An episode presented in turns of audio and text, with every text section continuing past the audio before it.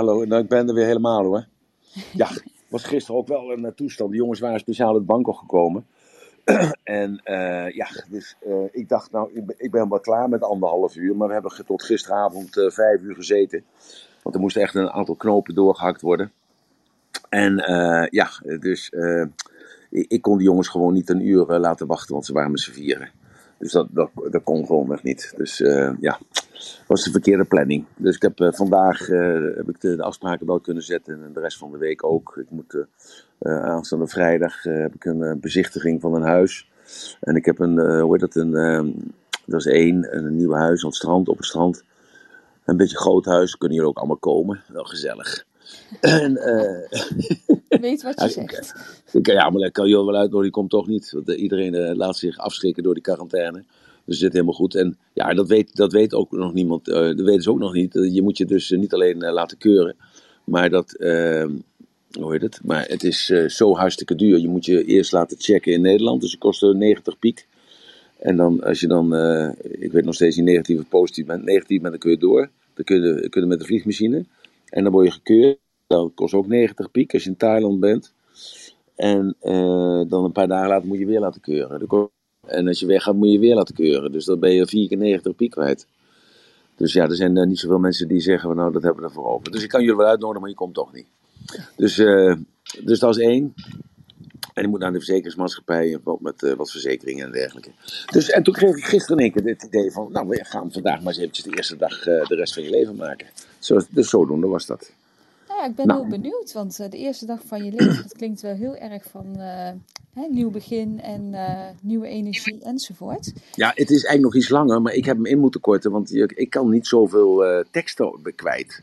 Dus het is eigenlijk de, de, dus vandaag is de eerste dag van de rest van je leven. Vandaag is de eerste dag van de rest van je leven. Nou, dat, ja, ik heb het dus maar een beetje ingekort op de eerste dag. De eerste dag van je leven is vandaag.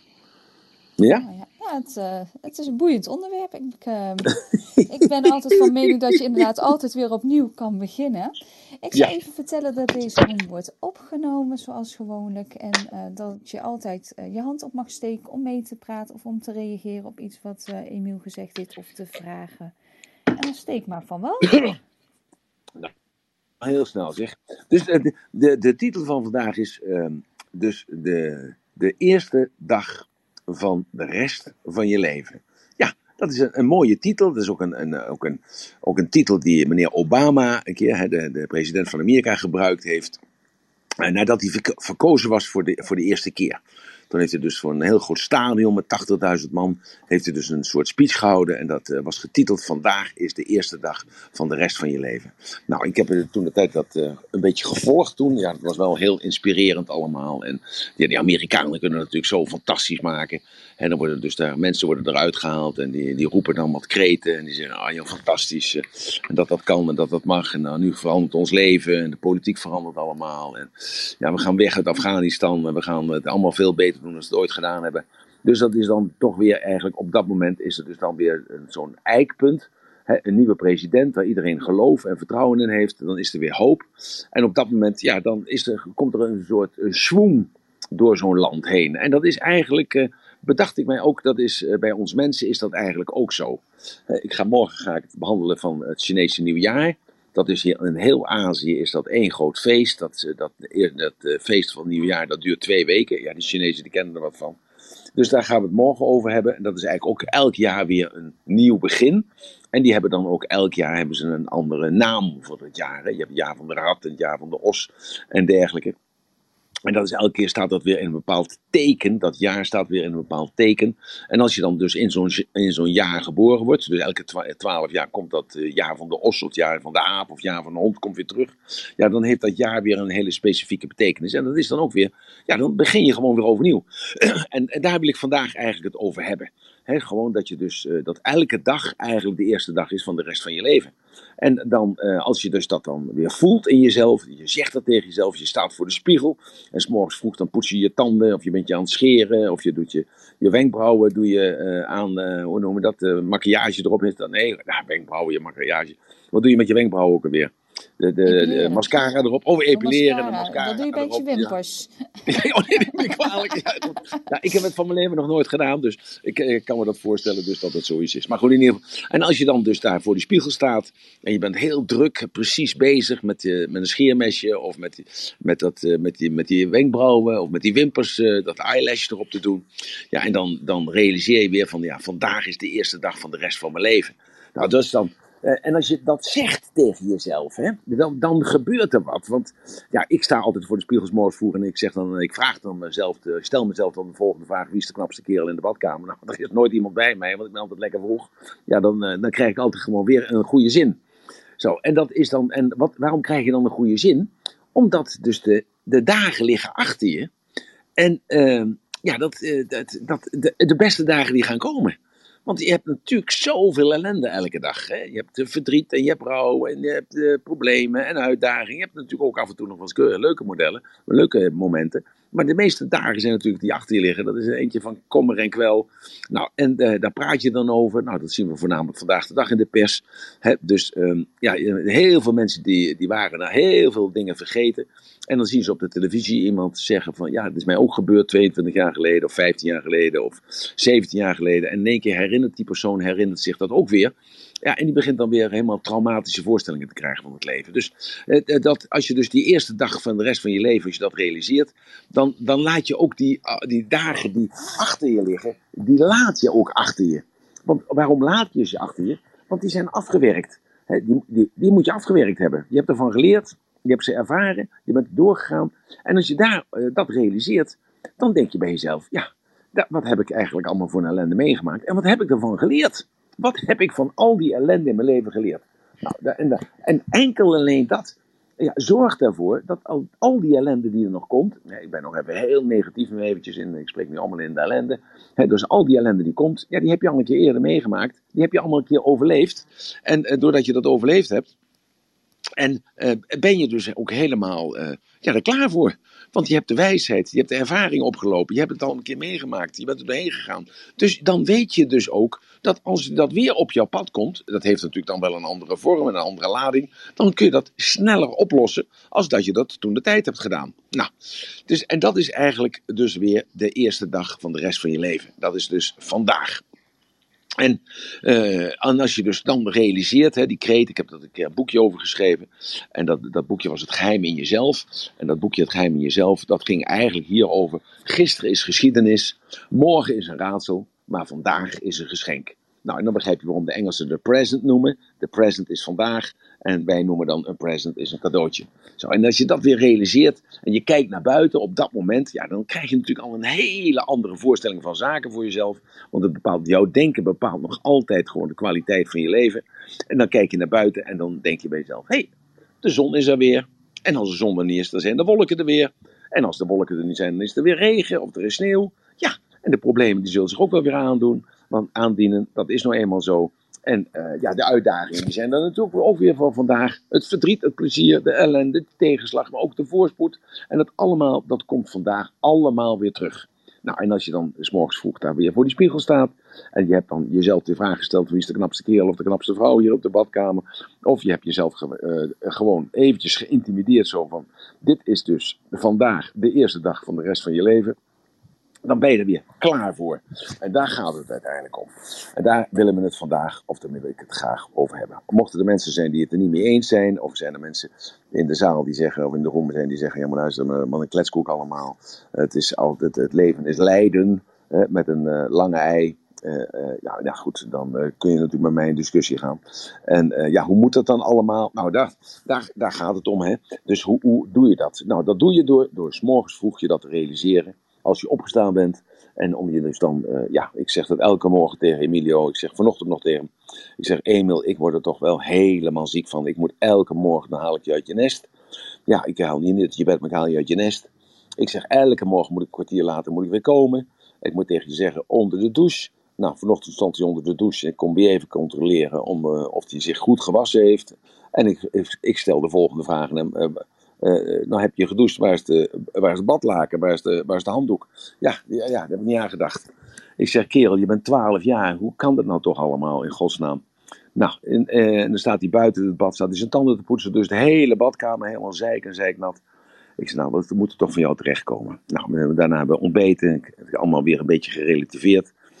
En gezegd tegen hem van, kerel, denk nou eens aan, uh, aan al die sporters waar je naar kijkt. Denk nou eens even aan al die zakenmensen waar je naar kijkt. Denk nou eens even aan al die succesvolle mensen waar je naar kijkt.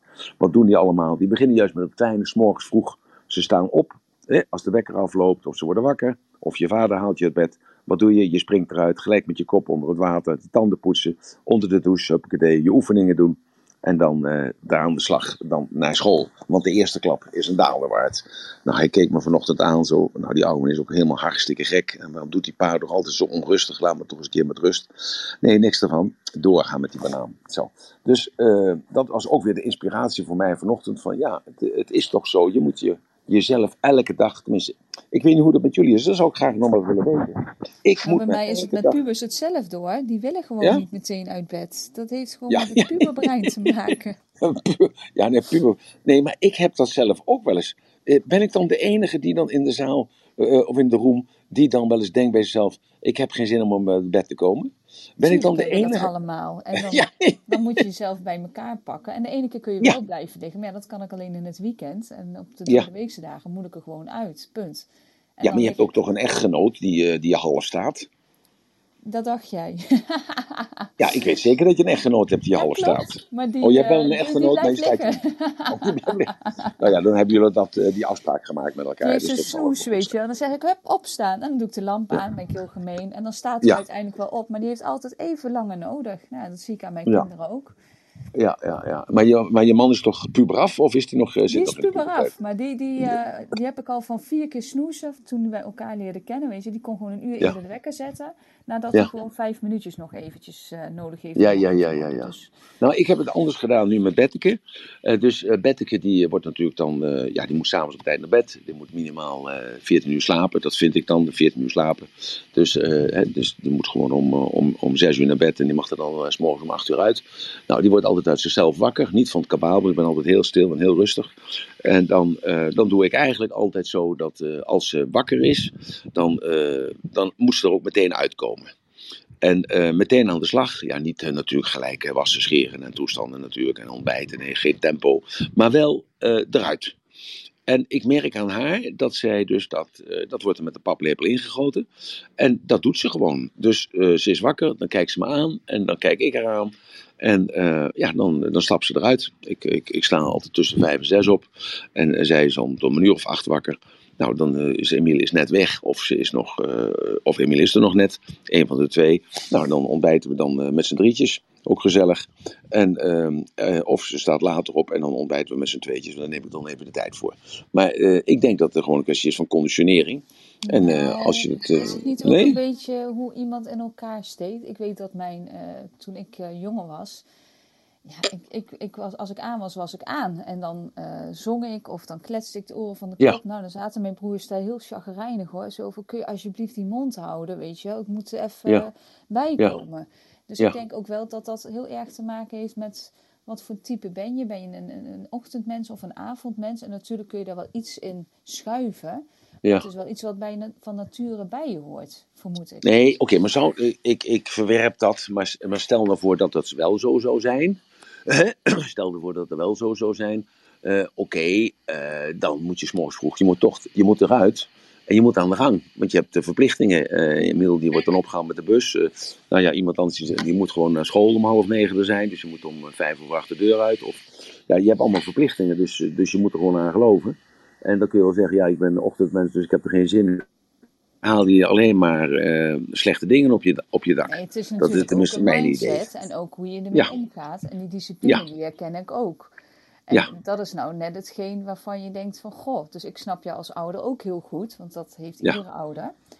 Ja. Uh, echter, ja, soms moet je toch een klein beetje meebewegen... in het feit dat het nu eenmaal niet meteen ogen open ja. is, uit bed springend is enzovoort. Dus nou ja, ja, dan, dan ja maar ik geloof er namelijk niet in. in. Ja. Nee, ik geloof er namelijk niet in, want afgelopen zaterdag had hij een uh, belangrijke voetbalwedstrijd. Uh, dus ik zei tegen hem vrijdagavond, uh, ik zei nou moet je niet de koffer in vriend, want morgenochtend een zware wedstrijd. Ja, en het, is, het was in het binnenland van Thailand, dus het was nog een kleine 100 kilometer rijden. en ja, dat is heel, want ik zit hier altijd een, lichte bries. En ik wist, weet al uit ervaring dat de 100 kilometer dieper het land in, nou daar is het echt, echt heet. En het zonnetje schijnt dan op als een koperen ploert op je lijf. En dan moet je dan nog eventjes twee keer drie kwartier rennen achter die bal aan. En de tegenstanders zijn allemaal thuis, dus de jongens die zijn eraan gewend. Dat is één, maar twee, die zijn allemaal kleiner en slanker. En hebben minder meter torsen. Want tot mijn verbazing eh, stond hij van de week op de, op de weegschaal. Hij is 12 jaar, ik durf bijna niet te zeggen, maar ook 65 kilo. Ik denk, uh, dat gaat de goede kant op zeg.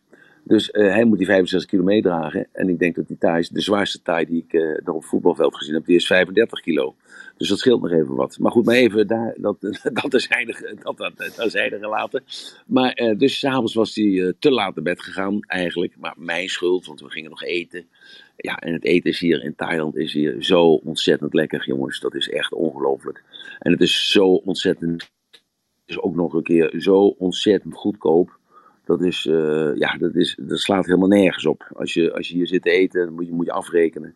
Nou, ik geloof dat ik het uh, wel eens verteld heb. Dan moet je 7,5 euro neertellen, of een tientje, of 12,5 euro. En als je het echt helemaal te bond gemaakt hebt, dan uh, moet je, ja, als je met z'n drieën bent, dan moet je, moet je 50 euro afrekenen. Maar boven de 50 euro komt het echt nooit. Dan drinken we natuurlijk geen alcohol, dat moet ik er wel even bij zetten. Maar we hebben dan en een voorgerecht, en een hoofdgerecht, en een nagerecht. En, uh, ja, en dan uh, vooral Emilio, die kan ook nog eens een keer een tweede nagerecht nemen. Want we waren vorige week waren een, een nieuwe ontdekking in een villa, de, villa, aan de zee. En dat ijs was zo lekker zeg. Ik kom in gesprek met, die, met de eigenaar, was een Nederlander, hartstikke leuke vent. Blijkt vroeger nog een bedrijf gehad, heb het in Arnhem, dus daar kende hij me nog van. En, ehm, en heb in laten vliegen. Ik zei, nou, ik heb het wel geproefd, dat is wel fantastisch. Hij zei, nou, moet je het ijs proberen. Nou, dat hoef ik tegen Emilio maar, maar één keer te zeggen, je hoeft maar te fluisteren. Nou, die heeft uh, geloof ik drie keer ijs genomen. God, wat was dat lekker zeg. Maar jongen, ik, jongen, ik denk dat uh, Emilio, dat je daar naartoe wilde, dat hij, omdat hij moest voetballen, ja. wel meteen op kon staan. Ja, precies. Ja, dat, nou, dat wou ik nog maar. Ja, en die motivatie, ja, dat wil ik even zeggen. Ja. Ik bedoel, als mijn, mijn oudste moet werken, ja, dan staat hij gewoon om zeven uur op en zit hij om tien over zeven op de fiets. Ik bedoel, dat is heel anders. Maar school is toch echt wel, nou, hè, een no-go, zeg maar. Nee, maar goed, jij bent altijd lekker bij de les, helemaal eh, top, dus dan kan er gewoon maar doorkletsen. maar zo is het, want dat was de essentie van de zaak. Hij ging s'avonds om elf uur, half twaalf naar bed, dus veel te laat voor een jongen van twaalf jaar. Ik schaam me ook wel, maar het was heel gezellig. En de volgende morgen, ja, meneer, die stond gewoon om zeven uur naast zijn bedje. En uh, goed gevoetbald. Ze hebben wel verloren, maar dat, uh, dat is ook niet erg. Want het, uh, het gaat erom, wat hebben ze geleerd. Dus, dus daarom, om dan te zeggen, ja, het is een avondmens. Nee, als je gemotiveerd bent en het is de moeite waard, dan stap je s'morgens wel de koffer in. Oh, de koffer uit. Dat... En, ja, en dus. Het heel soms een beetje weg. Oh, daar kan er niks aan doen. enkele woordjes. Het kan ook zijn aan de verbinding hier, want het stormt behoorlijk. Maar Nee, ik nee, of het andersom ook is. Dus. Nee, nee, het stormt hier zeker niet. Ik uh, kijk uh, dwars in, in, de zon. Uh, nee, het is ontzettend lekker weer. Het, het, het, zou kunnen, maar ik zit op het internet van het huis. Dus wat dat betreft, en ik zit stil. Dus het zou alleen mijn stem kunnen zijn die af en toe een beetje wegzakt. Want ik ben vanochtend nog wel eventjes een paar keer goed keer gegaan. Tegen wat mensen bij mij in Arnhem. Want daar was het weer het een en ander fout gegaan. dus dat, dat zou wel kunnen, dat mijn stem af en toe een beetje weg, wegzakt. Dat zou kunnen. Nou goed, maar dat is goed dat je het even zegt. En dan kan ik af en toe nog wat herhalen als het noodzakelijk is. Dus het, het gaat erom, denk ik, dat als jij s'morgens vroeg een beslissing neemt, en dat is de beslissing, en de beslissing is vandaag is de eerste dag van de rest van je leven, dat, dat die zo inhoudelijk zo goed is, die is zo motiverend, dat je dus uh, alle uh, ongelukkige momenten van gisteren, of alle vervelende situaties van gisteren, dat je dat naast je neerlegt en dat je blij bent dat je het leven hebt dat realiseer je dan. En dat je blij bent dat je gezond bent. En dat je blij bent dat je werk hebt of je hobby uit kan voeren. Of blij bent dat je een vrije dag hebt. Of blij bent dat je naar school toe gaat. Kortom, je bent blij dat je bestaat. Nou, en als je dat eenmaal hebt, dan, uh, ja, dan, dan is het, uh, dan is het een, uh, de toekomst is dan een zegen en geen last. Dat, dat is eigenlijk een beetje waar ik naartoe wil. Hè, ja, nou, ik hoor jou aarzelen. Nee, ik, uh, moest, ik, ik zat te denken van, nou ja, als je gewoon ziet hè, van dat je iedere dag weer opnieuw kan beginnen en opnieuw een, ja. een, beslissing kan maken, kun je dus altijd met een positievere manier de dag starten en je, je doelen bijstellen en gewoon je, je pijlen anders richten. Dus ja. iedere dag heb je weer een nieuwe kans. En als je dat op die manier kan zien, dan maakt het het leven denk ik een stuk verdraagzaam op momenten dat het even wat minder met je gaat. Ja, en dat denk ik gewoon ook dat dat zo is. En, en, uh, en vooral dus dan die, dat verleden, hè, dat, verveel, dat het verleden, dat is dan ook vervelend, want daar hebben we natuurlijk heel veel dingen van mee meegemaakt. En uh, dat komt nu allemaal naar boven toe. Heel veel mensen, die zijn ervaringsdeskundigen, die gaan dat dan vertellen op de media, in de kranten en dergelijke. En die zeggen, ja, ik heb het 22 jaar geleden al een keer meegemaakt en ik, ik wil het nog een keer delen. En dan blijkt in één keer dat er heel veel mensen, die gaan zich nu in één keer dingen herinneren die ze al vergeten waren. En, uh, ja, en daar wordt dan weer over gesproken. En dan gaan mensen weer in die negatieve sfeer van eergisteren. En dat is nou zo jammer. Want dat, uh, dat hoeft niet meer. Het is afgelopen. Je kunt er niks meer aan veranderen. Het is een feit. Het is helemaal gebeurd. Ik heb ook veel vreselijke dingen meegemaakt. Maar uh, ja, als ik die allemaal op een rijtje zet, dan word ik denk ik nog alsnog depressief. En dan word ik alsnog, word ik, uh, misschien wel, krijg ik wel een, hoe noem je dat? Een, een burn-out of zo. Hè, omdat ik dan denk bij mezelf, tjoh, dat ik me dat heb, allemaal heb laten welgevallen. En dat ik toen niet, van de, toen niet verwerkt heb. En nee, ik heb het gewoon, ja, ik ben er overheen gestapt dus ik heb niet weggestopt, maar ik heb, ben er overheen gestapt. En ik heb er ook bij nagedacht van, oké, wil ik dat, dat nog een keer gebeurt? Nee. Nou, wat moet ik dan voor doen? Wat is mijn, wat is mijn aandeel daarin geweest toen de tijd? Nou, wat heb ik daarin fout gedaan? Fout, niks fout gedaan. Maar welke keten van oorzaak en gevolg zat ik? Ja, hoe heb ik me opgesteld? Ja, hoe, en dat is mij dan overkomen. dus ja, dat heeft dan zo moeten zijn. Uh, moet ik dat allemaal oprakelen? Nee, ik moet dat niet oprakelen. Ik hoef dat niet te verwerken. Ik ben er overheen gestapt. En ik moet denken aan morgen, want ik moet me focussen op het, op het goede. En ik heb geen zin om me te focussen op datgene wat gisteren is, waar ik toch niks aan kan doen. En dat ik uh, eroverheen stap. En uh, ik wil gewoon mijn tijd niet laten verpesten door negatieve herinneringen. Dat, en dat is een beetje zo, uh, ik erover denk. En dan, dan moet ik even terugdenken weer even aan die, die talk van Obama. En die had het over imagoherstel. He, dus van het Amerika, we moeten doen aan imagoherstel. We hebben een slechte naam. En we hoeven ons niet te schamen dat we Amerikanen zijn, want we zijn altijd eh, positief bezig geweest met de wereldvrede. En natuurlijk hebben we daar fouten gemaakt. We zijn altijd een voorbeeld geweest economisch. Natuurlijk hebben we daar fouten gemaakt. We zijn altijd een voorbeeld geweest van voortrekkers. Ja, natuurlijk hebben we daar fouten in gemaakt. Maar we moeten dan een klein beetje werken aan imagoherstel. En hoe doen we dat? We beginnen vandaag gewoon weer te leven alsof de eerste dag is van ons leven en de rest van je leven. En dus gaan we vandaag gaan we het gewoon anders doen en beter doen. En we zorgen ervoor dat we niet meer in die fouten komen. Nou, dus, en, dan, uh, en, en daar wil ik het over hebben. En, uh, ja, en dan heb je elke keer uh, welk voorbeeld wil ik zijn. Hè? Dat denk ik regelmatig aan. Hè, dat ik dan heb ik wel eens met Emilio erover. En dan zeg ik, nou Emil, ik denk wel dat het zo is dat jij vandaag over twintig jaar dat Royce bij jou komt. En Bo komt bij jou. En Charles komt bij jou. En ja, die komen dan bij jou. En die, en die zullen aan jou vragen van, ja, hoe was papa nu echt? Hoe was papa nou echt? Want uh, ik heb nu een beetje verstand gekregen. Hè? Dan zijn ze tegen een jaartje 40, 50. Ze hebben zelf kinderen, ze maken zelf al het leven mee. En dan zullen ze zich die vraag stellen van ja, ik heb papa heel weinig gezien. Uh, dat wilde ik zelf toen de tijd. Of ik werd daar een beetje mee geholpen door mijn, uh, door mijn moeder. En ja, hoe was papa nu werkelijk? Nou, en dan, dan denk ik bij mezelf, ja, ik moet dan ook wel zorgen dat hij een bepaalde uh, bepaald beeld krijgt van mij, hoe ik werkelijk ben, met mijn goede eigenschappen en mijn minder goede eigenschappen. En dan, uh, ja, en hoe wil ik werkelijk, hoe wil ik zelf nu zijn? Dus hoe wil ik zelf zijn? En hoe wil ik herdacht worden? En hoe wil ik dat mijn kinderen later over mij praten? Niet alleen over mij praten, maar ze nemen ook bepaalde uh, gedachten over. Ze nemen bepaalde gedragingen over. Ze nemen bepaalde bewegingen over. Hè? Bewegingen, hoe je beweegt uh, tussen de mensen in en dergelijke. En hoe je beweegt met de, als het eventjes een beetje tegen zit. Hoe ga je daarmee om? Hè, word je gepercipieerd als een, uh, een oude vervelende vent die elke morgen uh, dan hem uit bed haalt?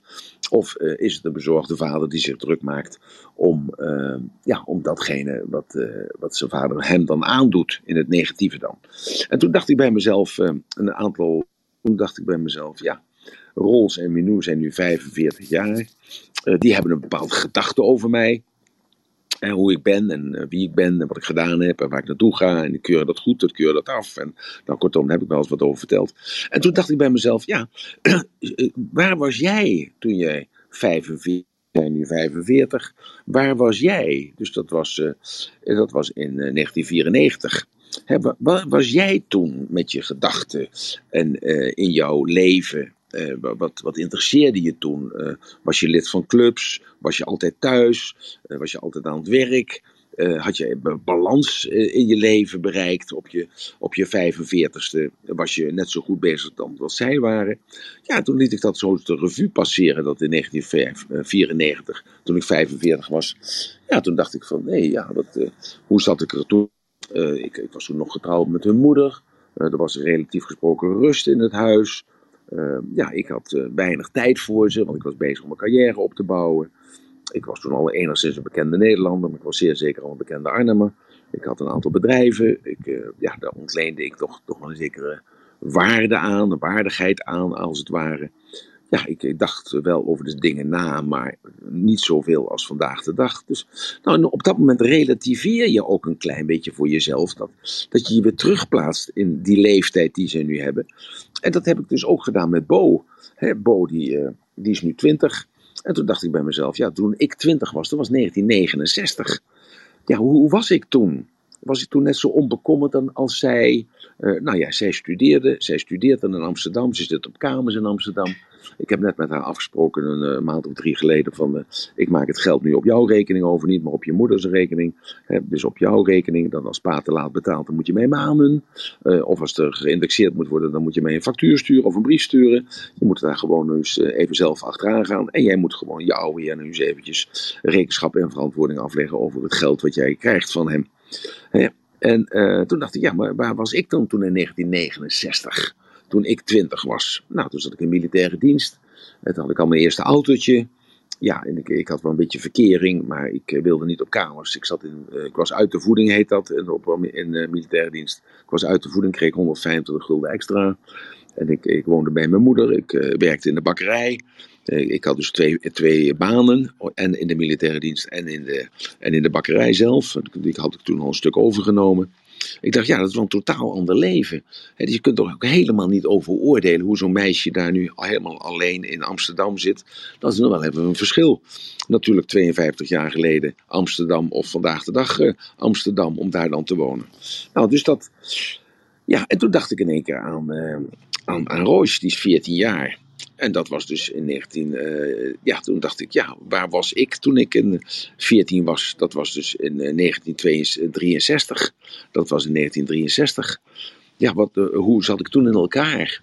Mijn vader was net overleden. Ik woonde bij mijn moeder. Ik was, werkte in de bakkerij.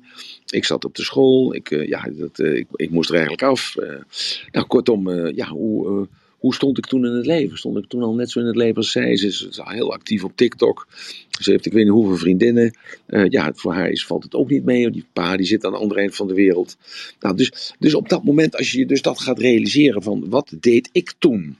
Uh, toen ik hun leeftijd had. En hoe, bekeek jij, hoe keek jij toen naar je vader en naar je moeder? Zo, dus en dat, dat wil ik eigenlijk meegeven vandaag. Zo, en dan, uh, als je dus dan daar weer even in staat, zo, hè, het is nou negen uur, kwart over negen, hè, dus uh, het is vandaag dan de eerste dag van de rest van je leven. En dan, uh, ja, dan stel je jezelf een vraag. En die vraag die, uh, die stel ik mezelf vaak. En dat is dan, wat geef jij van de ervaring die je hebt aan anderen? Nou, dat is een hele goede vraag. Wat geef jij nou van de ervaring die jij hebt aan anderen? En dat hoeven niet alleen je kinderen te zijn, dat mogen ook je kleinkinderen zijn, dat mogen ook uh, je buren zijn, dat mogen ook uh, wildvreemden zijn. Niemand zit daar misschien op te wachten. Maar wat geef jij nu van de ervaring aan anderen? Het is best eens een keer goed om erover na te denken. Want je hebt vreselijke dingen meegemaakt, je hebt vreselijk leuke dingen meegemaakt, je hebt groeipijnen gehad, je hebt uh, groeideuken heb je opgelopen. Nou, wat geef je nou van die wijsheid die je hebt opgedaan in al die jaren. En ik weet niet hoe oud je bent. Misschien ben je 25, misschien ben je 65. Hè, misschien ben je iets ouder dan ik ben. Ben je ouder dan 52 in ieder geval. Wat geef jij nou van je ervaring aan anderen?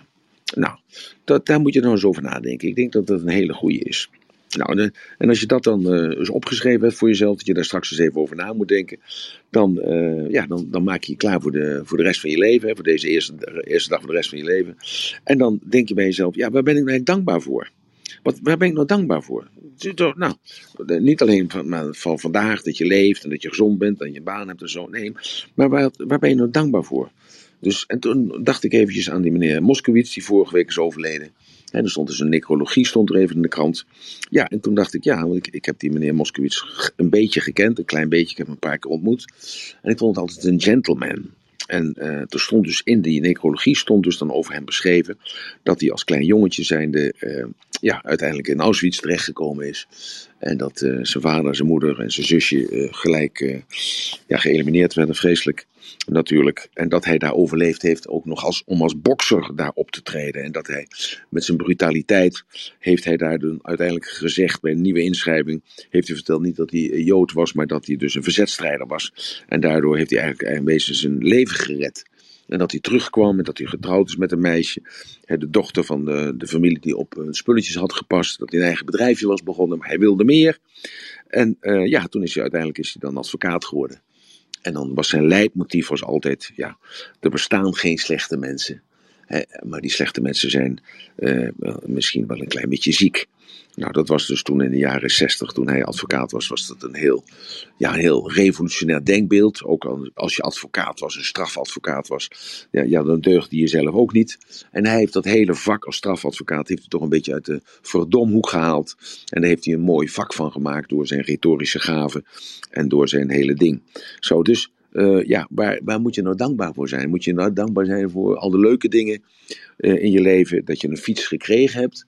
Of moet je dankbaar voor zijn dat je een baantje hebt gezocht bij de Albert Heijn en je vak hebt gevuld. En dat je ook nog eens een keer met de fiets de krant hebt bezorgd. En dat je van je eigen verdiende centjes uiteindelijk een derdehands bromfiets hebt kunnen kopen. Ja, waar ben je nou het meest dankbaar voor? Ja, ik denk dat je ook dus, dankbaar mag zijn voor dingen die je overkomen zijn, die je toch sterker maken. En op dat moment ja, ja, ja, ja. niet, maar Nee, nee, natuurlijk. Maar dat, dan, dan, dat is dan die focus weer. Hè? Dus dat is die focus weer. En morgen gaan we het daar nog even over hebben, over dat uh, nieuwjaar. Hè? Want dat, dat is eigenlijk, uh, voor mij was het verbazingwekkend dat het Chinese nieuwjaar twee, twee weken is. Maar goed, ik heb dat opgezocht en gevraagd en besproken met een aantal mensen hier, want hier wordt het uitbundig gevierd. En dat, het is ook elke keer weer een ritueel eigenlijk voor die mensen om weer de kassa op te maken van de afgelopen jaar. En uh, gewoon weer zich voor te bereiden op het nieuwe jaar. Zo, en dat, dat is eigenlijk een klein beetje wat je eigenlijk elke dag zou moeten doen. Maar ja, je bent natuurlijk druk met, de, gewoon met routinematige zaken. Uh, je bent bezig, je hebt je zorgen, je moet overleven. Je, moet, uh, je maakt je zorgen om de toekomst. Zal het allemaal wel zo blijven zoals het is? Nog tien jaar dan ben ik aan de AOW-gerechtigde leeftijd en krijg ik dan wel die AOW. En hoe moet het met mijn ongehoord goed? Want nu hebben we allemaal, hebben we allemaal een huis en dan wordt het zwaarder, zwaarder belast. En ja, daar had ik niet op gerekend, dus ik had er toch veel beter gehuurd kunnen blijven zitten. Nou ja, kortom, allerlei dingen waar je druk om maakt. Het moet altijd maar blijken of het anders wordt natuurlijk. Maar waar maak je druk om? En, ja, en dat helpt allemaal niet. Je moet je focussen op datgene waar je blij van wordt. Hè? Dus, en waar je gelukkig van bent en waar je dankbaar voor mag zijn. En dat je weet van, maar dat heeft een functie gehad. Dus wat maakt jou nou blij? Wat heeft jou nou blij gemaakt gisteren? En wat, wat zal jou vandaag nou blij maken? Nou, en ik denk dat het jou blij maakt als je iemand belt Bijvoorbeeld, ik had Willy Bort verkennen aan de telefoon eergisteren. Ik heb hem nog even gebeld. Naar aanleiding van het interview wat hij gegeven heeft. Het boek wat uh, volgende week uitkomt. Ik meteen aan jou denken, inderdaad. Ik denk, oh, dat ja. zal jou ook wel wat doen, inderdaad. Ja, ja. ja, natuurlijk doet mij dat wat. En uh, ja, ik was uh, vlak voordat ik wegging, was ik nog bij hem geweest. Want Emiel die is een aantal keren weggelopen bij zijn moeder. dat weten jullie. Dus, ja. En die ging naar Willybord. Dus hij heeft een lijntje met Wil. En, en Wil heeft een lijntje met Emiel. En ook Gisena, de, de vrouw van uh, heeft dat ook met Emiel. met het kleine Milletje. En uh, ja, dus dat was best een emotioneel afscheid eigenlijk wat we hadden bij hem. En uh, ik wist wel dat er iets was wat niet goed was, maar dat het zo ernstig was, dat wist ik niet. Dat, uh, ja, daar praatte hij niet over, want dat wilde hij als de scoop houden voor, de, voor het boek natuurlijk. Ja, dus, uh, ja, dus, dus waar word je nou blij van? Hè? dus blij, daar word je nog blij van om hem even te bellen en hem even te spreken. Daar word je dankbaar van, inderdaad, dat dat je nog ja. wel gegeven is. Ja. Ja, nou ja, ja, of ja, dankbaar is het dankbaar, het is blij, nou ja, goed, gelukzalig, misschien is dat het wel. Hè, dat je toch nog even aan de telefoon mag hebben. En dan, uh, ja, dan heeft hij nog weer van die, uh, van die mopjes en dan heeft hij nog even, nog even een wijze opmerking. En, uh, nou ja, kortom, het is altijd eventjes leuk. En, en nou, daar word je heel blij van. Dus ja, wie zou jij zo direct even kunnen bellen? Hè? Misschien je vader of je opa of je moeder of je zusje of een tante of een achtertante die in een bejaardentehuis zit en die geen visite krijgt. Of misschien ga je daar langs. Hè, ik heb nog een een tantetje wonen, die woont in de buurt van Zoetermeer. Die is helemaal de weg kwijt. Die is Alzheimer en dementie en ik weet niet allemaal wat, wat nog meer. En uh, daar ga ik dan één keer per jaar naartoe. En dat is veel te weinig, veel te weinig. Dus ik schaam me pas, uh, ik schaam me eigenlijk als ik daar maar één keer per jaar naartoe kom. Ik, maar ik heb altijd allerlei excuses om er niet naartoe te gaan. Maar ik ben altijd zo blij als ik er geweest ben. En niet dat ze me herkent, want ze herkent me gewoon echt niet. Hè? En ik neem dan slagroomgebak voor de mee. Nou, dan zit ze dat, nou ja, dat op te eten. Nou, met, de, met de beide handen in die slagroom te gaaien. En dan het hele, hele gezicht zit onder de slagroom. En uh, ik, ik heb een andere ruzie met... Niet. Maar ze genieten ervan. Dat is echt ongelooflijk. Maar dan denk ik bij mezelf, ja, ik moet er volgende week naartoe. Maar dan komt er weer helemaal niks van. En dan denk ik met tranen in mijn ogen een rietje. denk ik je niet schuldig over voelen. Want nee, nee. je kan. Ja, ja, ja, maar ja, dan, je, je wordt er zo blij van. Hè? Het, dus uh, je wordt er zo blij van. van uh, niet dat ze dat heeft natuurlijk. Maar je bent er zo blij van dat je, dat je dan toch de tijd voor gemaakt hebt. En dan is het zo stom in jezelf. En misschien herkennen mensen dat wel in de roem. Dat is zo stom. Tenminste, ik noem dat dan stom van mezelf. Dat ik dus dan niet elke week of elke maand er naartoe ga.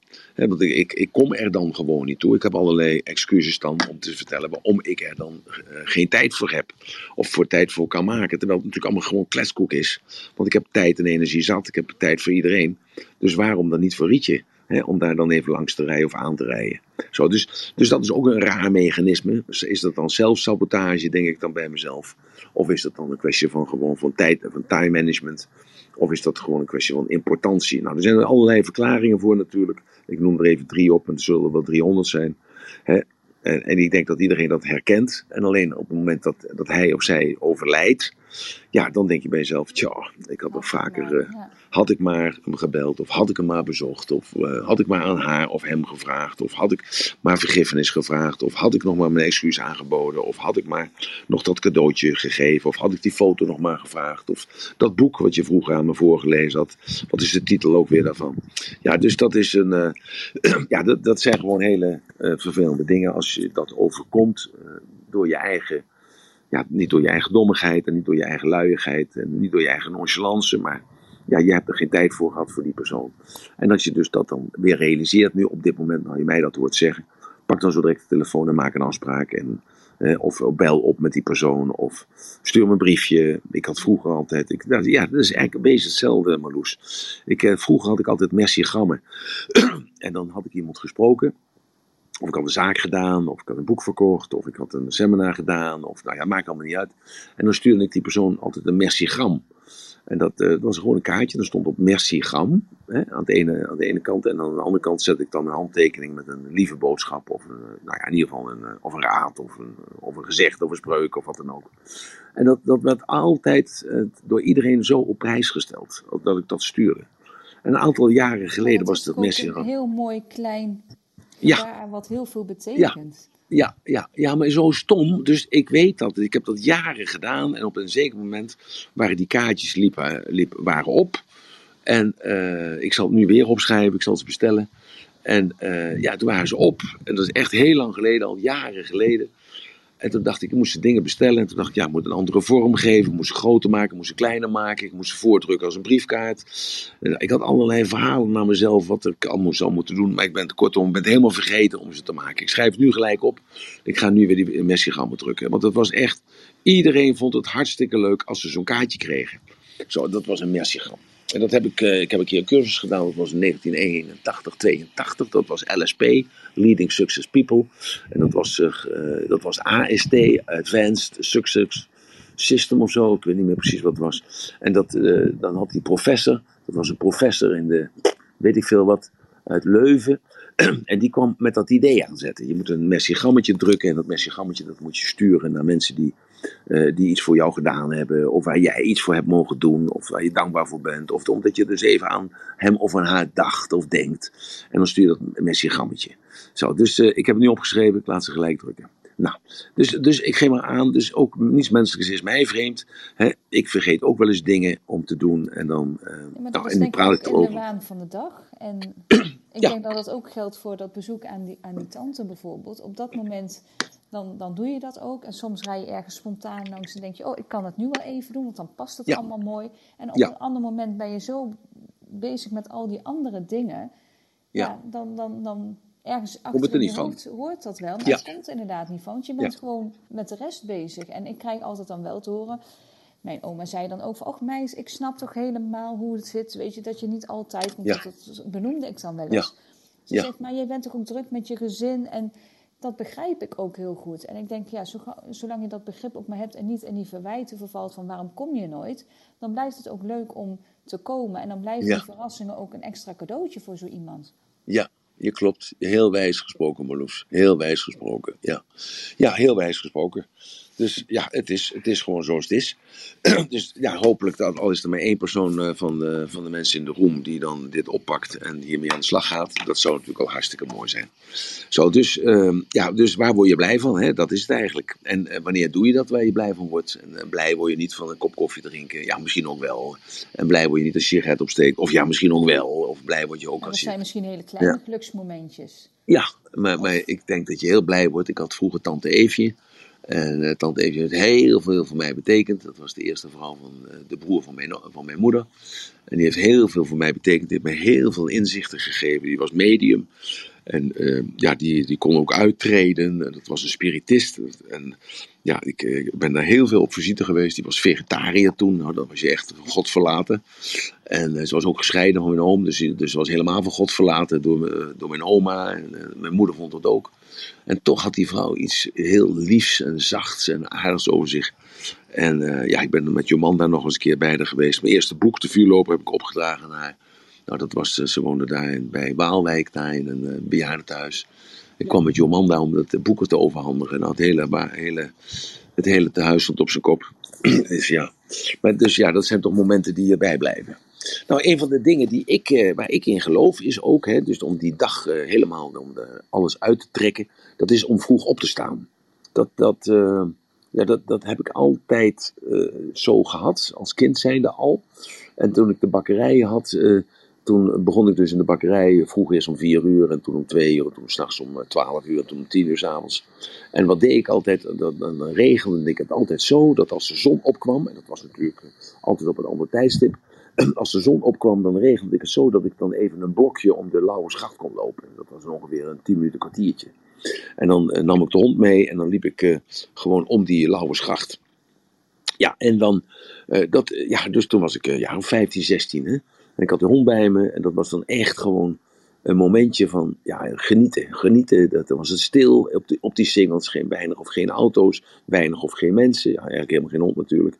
En dan liep ik daar omheen en dan dacht ik, joh, wat is de wereld toch mooi. En wat is het toch eh, mooi weer. Want 's ochtends vroeg is het eigenlijk altijd mooi weer. Het regent nooit 's morgens. Als de zon opkomt, regent het eigenlijk nooit. Ook iets heel raars. Ik heb die conclusie ooit eens een keer getrokken toen. En eh, als je vroeg opstaat, dan, dan ben je helemaal alleen. En, dan, en als je dan door dat park, tenminste voor mij was het dan, als je dan door dat park loopt, of zoals nu dan vandaag, eh, eh, sta ik ook dan 's morgens vroeg op en ik neem de hond mee en dan loop ik hier door het, door het woud.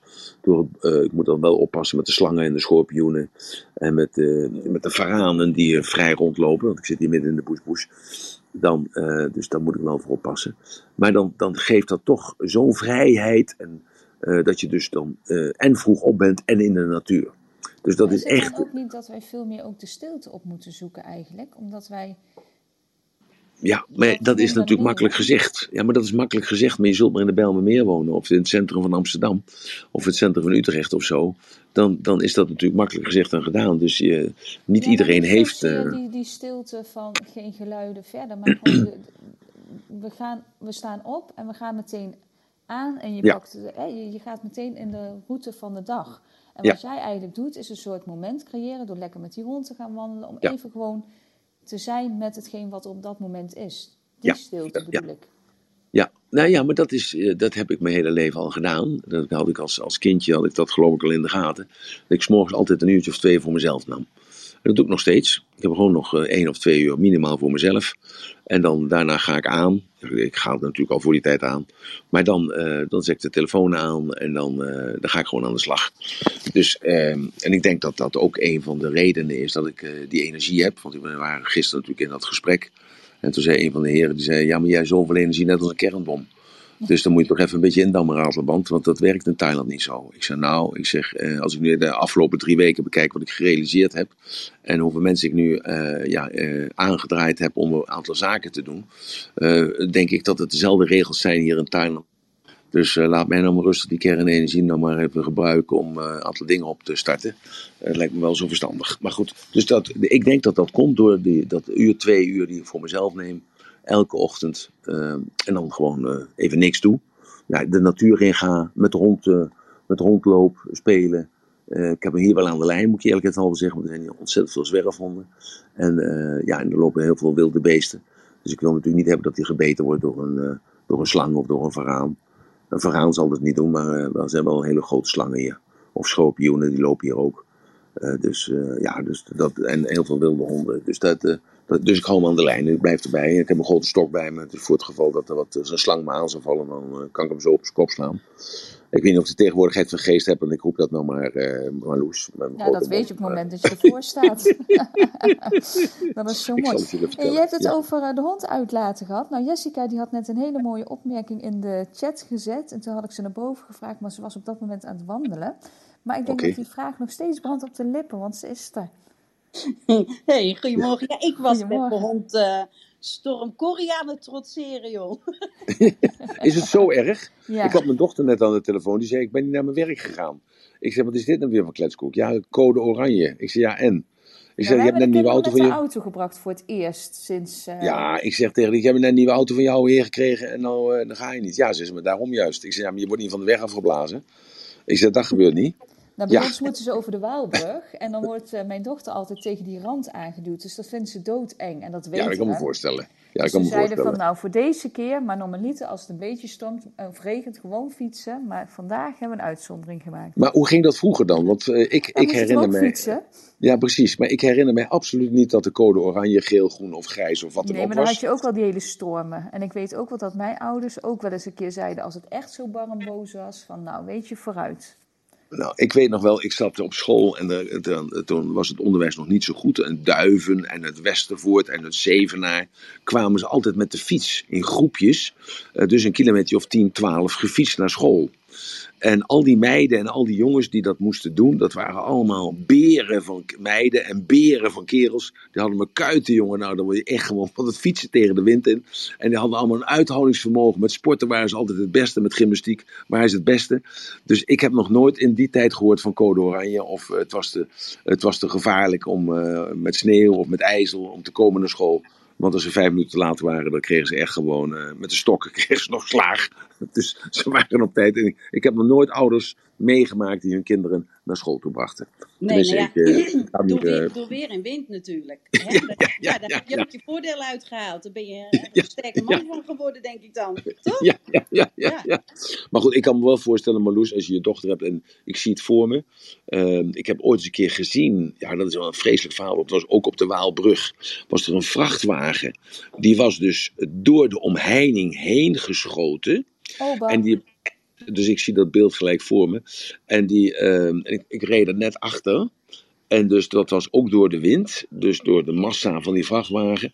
Die was de macht eh, door het stuur kwijtgeraakt en die was dus eh, half over de reling stond hij. En, eh, en er zat dus in die cabine zat hij, dus de chauffeur, maar had ook zijn dochtertje bij zich. Dus als jij het hebt over je dochter, had zijn dochtertje bij, want het was herfstvakantie. En die meegenomen in, de, in die auto. Oh, vrees ik eraan denk, daar krijg ik nog helemaal de kriebels van. Nou, Ja, dat begrijp ik. dus eh, dat was. eh, maar Jessica, sorry dat je in de reden viel. meid. Nee, helemaal geen probleem, joh. Ik kan, kan ik even bijkomen. Was het zo erg? Is het zo erg? Nou ja, ik woon in Friesland. Het is hier toch wel. eh, en wij zeggen Ja. altijd: we hebben code Kobi, dat is mijn moeder, die ons alarmeert altijd voor alles. Ja, ja, maar ja, ja. ehm, ja. nee, het is hier eh, wel wat, eh, wat pittig. Maar ik, ik, ik moest ook even de regen bij. Een hele heftige regen. Kijk, een beetje regen vind ik niet erg, maar het, het, het waaide of, het regende zo hard. Ja, dat vindt die hond ook niet leuk, weet je. Dus ik liep nog buiten. Had, Oké. had even de regen bij afgewacht. Nee, Nou. wat ik hoorde toen ik eh, liep, dus ik, ik, ik luister dan wel ondertussen. Ehm, de, je begon heel negatief over dat mensen dan allemaal zeg maar, eh, hè, de narigheid en ellende uit het verleden herinneren. En uh, toen had ik zoiets van, ja, maar ja, dat geldt niet voor iedereen. Sommige mensen die herinneren inderdaad alleen maar de ellende uit hun verleden. En andere mensen die herinneren ondanks alle ellende alleen maar de mooie dingen uiteindelijk uit het verleden. Ja, ja nou ja, was ik benieuwd naar hoe je daarop zou reageren eigenlijk. Nou ja, dat, dat is ook zo. Dus een keuze is dat. Eh, en daarom was dat verhaal van die Moskowitz zo mooi. Dat ik dacht bij mezelf, ja, maar luister, hij was achteruit altijd als een gentleman. Hij had er, en hij vertelde dus ook, toen hij in het kamp zat, deed hij ook dus zijn de pyjama, hè, die, vreselijk. Hij zorgde altijd voor dat het gesteven was en dat hij altijd een glimlach op zijn gezicht had. En dat hij er gewoon, eh, dat hij zichzelf onderscheidde met de gedachte van ik, ik, ik, laat jullie zien klootzakken dat jullie mij niet klein krijgen. Zo. En dat was de, de vechtlust dus die, eh, die die man had. Hij was ook fysiek heel sterk. Ik heb hem ontmoet, was hij een jaartje of uh, 50, 60 denk ik. Ja, een jaar 70, 80 was dat. En uh, ja, het was ook wel, het was nog een beer van een vent. Boah, dan gaf je een hand, jongen. Nou, je, je, gewoon bijna ging door de grond heen. En ik keek je aan en had een stem. En heel, had dat, dat, natuurlijk dat, dat, dat, dat Limburgse accent had hij, maar had daar, daarnaast, daarachter had hij een hele dwingende stem. Gewoon echt uh, ja, een gentleman, tegelijkertijd heel krachtig. Zo, maar altijd, je zegt, het is een keuze. Hè? Dat stukje heb ik dan denk ja. ik net even gemist hoor. Dat ik dan thuis kwam en ja. zo de hoed afdrogen enzovoort. Uh, maar je zegt het is een keuze. Maar ja. als je nou zeg maar zo'n... Uh, ja, zo'n doemdenken ben over je leven en over alles. En over alles wat je hebt meegemaakt en weet ik het wat. Ja, weet je, de, de, die, sommige mensen zitten nou eenmaal zo in elkaar. Die hoor je nou ja, maar die zijn, praten. ja, dat, hoe, dat hoe, is ook zo. Nou ja, dat is, we moeten zich realiseren dat het een keuze is. En je mhm. voelt je net uh, zoals je denkt. Dus als jij, uh, ja, als jij dat wil blijven doen, als jij je gewoon altijd uh, slecht wil voelen, ja, dan moet je dat gewoon lekker blijven doen. En als je je lekker wil voelen, ja, dan moet je dus dat anders doen. En dan moet je dat besef krijgen, natuurlijk bewustzijn, waar we het elke dag over hebben. En een, en een keuze maken en zeggen, oké, okay, ik wil dit niet meer. Ik ga nu eens kijken van, wat is het goede eigenlijk in mijn leven geweest? En daarom hoor je mij weinig praten over mijn verleden of mijn voorstaan of op iets van, van vroeger. Omdat ik wil niet het altijd hebben over uh, vroeger of eerder. Ik wil het gewoon hebben over vandaag en over morgen. Want uh, de kwaliteit van ons leven wordt op dit moment bepaald door waar ik nu op let. En als ik let op, op de pijn en op het verdriet en op de ellende en op het verlies en op faillissement en naar het verlaten en noem het allemaal maar op wat ik meegemaakt heb in mijn leven. Ja, dan, dan geef ik mijn kostbare tijd op dit moment geef ik weg aan verleden waar ik niets meer aan kan doen. En eh, ik wil graag die kostbare tijd willen besteden aan, uh, aan liefde en aan blijdschap en aan vrolijkheid en aan uh, positieve zaken en aan de mensen die van me houden, zodat ik later onthouden word. dat, daar ben ik eigenlijk een beetje mee begonnen. Dat ik later onthouden word dat als de kinderen komen bij Emiel, hè, dus mee, die dus heel intens met mij bezig is, dat ze dan zeggen van hoe was Pano echt? Was hij nou zoals mama ons altijd heeft verteld? Of zat er ook nog een andere kant aan? Nou, en dan vertelt hij een hele andere kant, hoop ik. Uh, als dat, uh, dat zij denken dat, uh, dat ik zo ben. Zo, en, en, daar zorg ik nu voor. En dat, dat is dan een beetje het concept eeuwig leven. Hè, ik merk dat aan mijn dochter Georgine. Die is nu een jaartje of vier. Maar de boodschap is dan eigenlijk daarin van... Ja, weet je... Um, denk erover na hoe je later herinnerd wil worden. En, en, en sta zo in het leven. En, en, en spread ja, dat, zo, dat zelf uit, ja, zeg maar. Ja, ja en dat, dat zou je als hulpmiddel kunnen gebruiken. Hè? Maar we zitten natuurlijk met allemaal verschillen. Ja, maar we zitten met allerlei verschillen. en, de, en de een hoort dit en de ander hoort dat. Nou, daar hebben we het vorige week over gehad. -hmm. Dat was zo mooi met dat, uh, die Diana. Hè, dat, uh, dat ik uh, aan Ron vroeg bij de klaar voor. Hij zegt, ja, ik zit klaar met Diana. Nou, en ik, en ik dacht natuurlijk aan een vrouw. Ja, natuurlijk, hoor je mij zeggen. Ik dacht natuurlijk aan een vrouw. Dus, uh, en, dus ik appte uh, Ron, Ron, nog terug van, nou, gezellige tijd dan.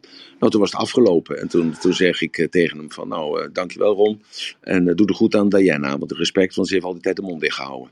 Nou, en toen pas viel het kwartje. Ja, toen viel het kwartje vast. Het was het ik, liedje wat je van Diana Ross ja, had ja. gehoord. Ja. En, en toen viel het kwartje bij Ron. En die zegt, ja, maar ik zit hier helemaal niet met een vrouw. Ik bedoel Diana van het plaatje. Ja, dus... Ja. Het was trouwens een heel mooi nummer. Dat was echt ja, het was een hartstikke mooi nummer. Ja, maar even, snap je? Dus, dus we hebben gelachen nog, als, als twee kleine jongens hebben we gelachen daarover. Dus dat hij gewoon uh, het niet in de gaten had, dat ik dacht dat hij daar met een vriendinnetje zat, of zo. En ja, in deze tijd mag je dat bijna niet meer hardop zeggen, maar goed, ik zeg het toch maar even. En, en hij eh, heeft daar helemaal nooit aan gedacht. Want ja, eh, Komt niet ja, eens in hem op. komt helemaal niet eens in hem op. Nee, nou precies. Dus ik hoor het heel anders. Dus kun je nagaan hoe ondeugend ik ben. Hè? Dus eh, goed, nou. nee, maar dat, eh, nou, dus omgeef je met fijne mensen. Hè, zoals Marloes er nou is en jij bent er nou. Dat is toch gewoon, voor mij is dat eh, zo fijn dat ik niet alleen sta. Ik heb gewoon jullie nodig. En dat weten jullie ook. Ik heb een vrouw in mijn leven nodig en tegelijkertijd wil ik ze niet hebben. Hè, maar dat is mijn, mijn dingetje waar ik aan moet werken. En Ron is er elke dag en Hans is er. Maroeska is er elke dag. Annemiek is er drie, keer, drie dagen van de vier dagen is hij er. Nou, en zo noem er maar een, een heel rijtje, rijtje van mensen op. Juliette is er eh, regelmatig bij. Dus dat geeft mij kracht. En dat, is, en dat is dan ook weer van, jongens, ik moet me even voorbereiden. En dan denk ik eraan en denk ik, ja, ik doe het eh, niet alleen voor mezelf. Ik doe het ook voor jou. Of ik doe het voor haar. Ik doe het voor hem. En dan denk ik, ja, eventjes aandacht aan besteden. Even opschrijven de punten. Niet gewoon uit je band, maar gewoon even werk ervan maken. Nou, en eh, zo ben ik alweer begonnen aan morgen voor, voor Chinees nieuwjaar. Om daar een verhaal van te maken. Want de meeste mensen niet weten waar dat vandaan komt, hoe oud dat is, wat de betekenis daarvan is. En nou, hoe, eh, wat voor ritueel dat eigenlijk is. Voor, eh, want heel China ligt nu op zijn kont. Ik wordt, zeggen, eh, zijn niks- vier weken dicht. Ja, die zijn allemaal dicht. Dus iedereen gaat naar huis. En wat is de betekenis daar nou van dat je naar huis toe gaat en dergelijke. Nou, zo, dus, zo, dus, dus dat doe ik voor jullie en, dat, en ook voor mezelf natuurlijk. En dan, ja, dan krijg ik zoveel liefde en, en terug. Dus omgeef je met fijne mensen. Ik noem het fijne mensen. Jullie zijn toch allemaal, allemaal fijne mensen. Iedereen in de room zijn fijne mensen. Want we maken met elkaar maken we deze, deze energie. En met elkaar maken we deze room. En deze, met, elkaar maken we de, de titels en de onderwerpen. En je komt er tussendoor. Je bent het niet met me eens of wel met me eens. En dat mag allemaal. Of je komt in de backchannel. Alle, eh, alles is goed. Nou, dus Nou ja, ik dacht net ook, ik denk, eh, wat maakt je gelukkig? Nou, hè, toen ik net eh, buiten in die storm en in die regen liep, dacht ik, ja, weet je, je, je kan hier eh, nou denken van, gadver, klote regen, gadverdaai, ik wil Ja. naar ik ga niet doorlopen, weet je, ik word zeiknat, eh, allemaal, allemaal eh, vervelend. Ja. Maar je kan ook denken, oh nou, wat heerlijk, weet je, gewoon even zo lekker Ja. buiten. Ik word wel Ja. droog, thuis is het warm. eh, ja, ja, en dan. koude Ja, wind op je gezicht en die regen op je gezicht. Ja, nou ja, weet je. En, maar dan ook even denken. Ja, maar ook even denken aan de mensen die dat niet kunnen. Die zitten in de rolstoel. Of Ja. die zitten in het huis. Die zijn afhankelijk van iemand die de rolstoel eh, rukt of trekt. Ja, Of zitten in de gevangenis. Die willen ik heb graag het eruit. letterlijk een keer meegemaakt. Dat ik met de zonnebloem mee was. Dat ik met een mevrouw buiten liep in de regen. En ik dacht, oh, ze wordt helemaal nat. Oh, ze zegt, ik wil gewoon buiten blijven lopen. Want ik kom nooit meer buiten. Bijna nooit meer buiten. En zeker Nou. niet het regent. Nou. ja. Dus, eh, nou, en als je dus dan weer vergelijkt met de, met de pech van iemand anders, hè, of het ongeluk van iemand anders, ja, dan realiseer je weer hoe rijk je bent. En, en dat mag je dus wel doen, vind ik. Hè? Dus dan heeft dat, dat lijden van de ander, krijgt dan ook een functie om, voor de ander om zich gelukkiger te voelen. Dus nou, dat is niks egoïstisch aan of zo. Nee, dat is eh, de macht der vergelijking. En daarom moet er ook verschil zijn. En als men dat dan weer kansenongelijkheid noemt, ja, dat is weer een negatieve insteek. Dus daar verzet ik mij dus ten, ten zeerste tegen. Hè, zo, dus wees blij met wat je hebt. Wees blij met de mensen om je heen. Wees blij. Neem je rust op zijn tijd. Hè, want dat blijkt ook dat als je je rust op, op je tijd neemt. Dus eh, gewoon mensen die langer leven, die, die slapen ook meer. Blijkbaar. Hè, neem je rust gewoon. Neem een beetje afstand van de problematieken die er zijn. Zo, dat zijn allemaal hele belangrijke dingen. En, en eh, ja, wat, eh, je moet ook denken aan de stress. Je hebt stress. Ja, hoe, waarom krijg je stress? Je krijgt stress van andere mensen omdat ze hun afspraken niet nakomen. Nou, verbreek die, verbreek die relatie. Want het is niet één keer, maar het is elke keer hetzelfde met die jongens. Nou, het verbreekt die relatie met hen.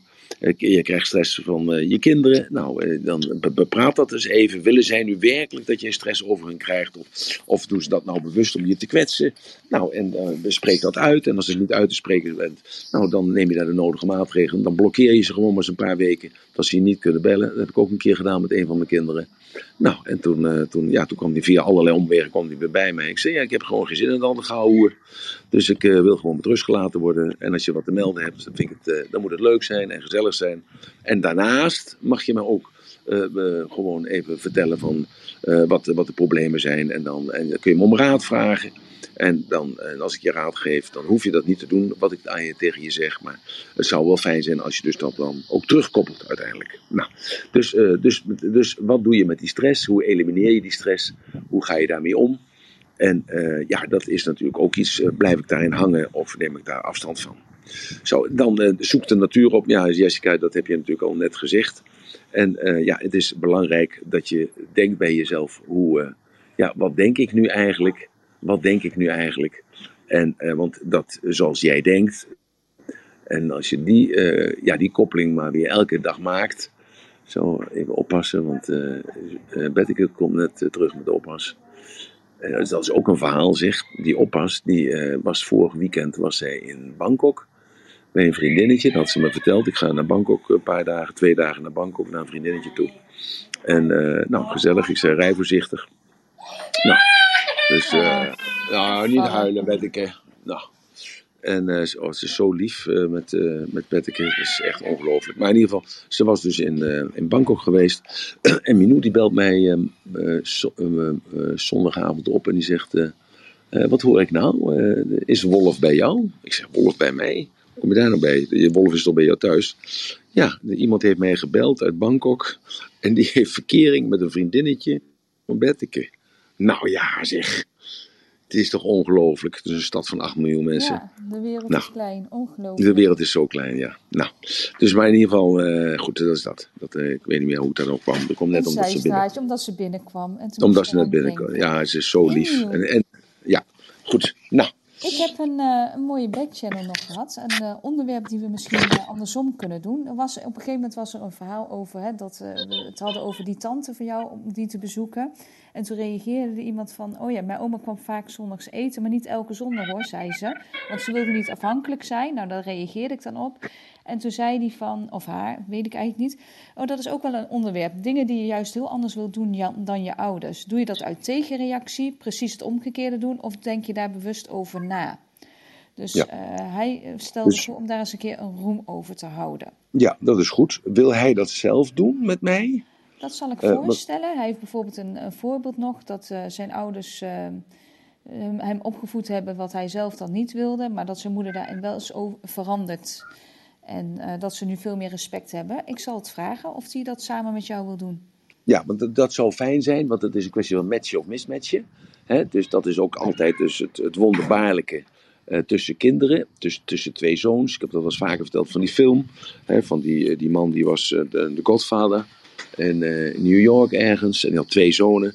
En die ene zoon die volgde zijn vader op. En die werd de godvader van de, van de family. En de andere die werd eh, inspecteur van politie, omdat hij dat onrecht wilde bestrijden. Zo, dus hetzelfde voorbeeld, of het, ja, hetzelfde voorbeeld, maar dan twee totaal verschillende reacties erop. En waar ligt dat aan? Dus hoe kan dat nou, die perceptie, hoe kan die nu van hetzelfde bloed, eh, hoe kan die nu anders zijn? Nou, een hele interessante, hele interessant verhaal is dat. En daar- weet ik heel veel van, toevallig. Dus dat is ook, ik denk dat dat heel interessant is. Waarom heb jij nou dat opgepakt en waarom heeft je broer of jij zelf dat andere niet opgepakt? Zo, dus dat is een hele mooie, dat is een hele mooie. Die gaan we gelijk inplannen. Eh Marloes, eh, zullen we dat vragen aan hem of hij dat samen met jou wil doen? Dan doen we dat volgende week. Vind je dat een goed ik idee? net te horen dat hij niet zo graag op het podium komt. Oké, nee, dat is oké, Dus, dat eh, respecteren we we kunnen het, natuurlijk. Maar zullen we het dan zo doen volgende week dat jij dan eventjes dat inbrengt en dat dan Ja. doorgeeft aan meneer? Eh, dat hij dan. mevrouw. Of mevrouw. Daar kwam ik net Eh, achter. Ja, sorry, oh, sorry. Maar dat, dat zij dan wel in de backchannel is, zodat dat ze gaan je we dan wel kan Ja. begeleiden daarin. Dus misschien is het verstandig om dan aan haar te vragen van wanneer past het je dan die en die dag? En dan eh, kunnen we van daaruit kunnen we dan dat dan met z'n drietjes doen. En zij is dan in de backchannel en kan ze dan toch dingetjes aangeven, corrigeren of vertellen over haar ervaringen. Zullen we dat zo doen? Ja, Oké, dan wacht ik daarop. Top. Wat ik, wat ik ook zo, wat ik ook zo met, met dit onderwerp eh, zo bijzonder vind, als je solidair bent met je ouders, dus je gaat een beetje dezelfde weg, hè, je, hebt, je staat een beetje hetzelfde in het leven, eh, dan, dan ga je ook hè, in, in alles, ook fysiek, op, op, op- eigenlijk. En, en, en keer je je af van je ouders, eh, heb je hele andere meningen, wil je anders in het leven staan, bewust heel erg anders de dingen willen doen, dan, dan word je ook een heel ander type, ook uiterlijk. Ja, ja, maar het heeft een diepere oorzaak. Het, het heeft een diepere oorzaak. En ehm, Dus, maar daar, daar gaan we het over hebben. Ja. Hartstikke, hartstikke interessant onderwerp. En ik denk Ja. dat heel veel mensen dat ook afvragen van... Hoe komt dat nou dat eh, ik stem op de VVD en mijn, en mijn broer of mijn zusje die stemt op de SP? Of hoe komt het nou dat ik eh, zo me altijd netjes opmaak en mijn zuster die loopt de deur uit eh, zonder eh, de haarkam te hebben? Zo. Hè, want dat zijn toch de voorbeelden die mevrouw ook noemt. En, ja, dat is ook mooi vanwege ja. de epigenetica inderdaad. En, ja, exact, exact, exact. En waarom past dat nou wel bij de ene en mismatcht het bij de ander zo?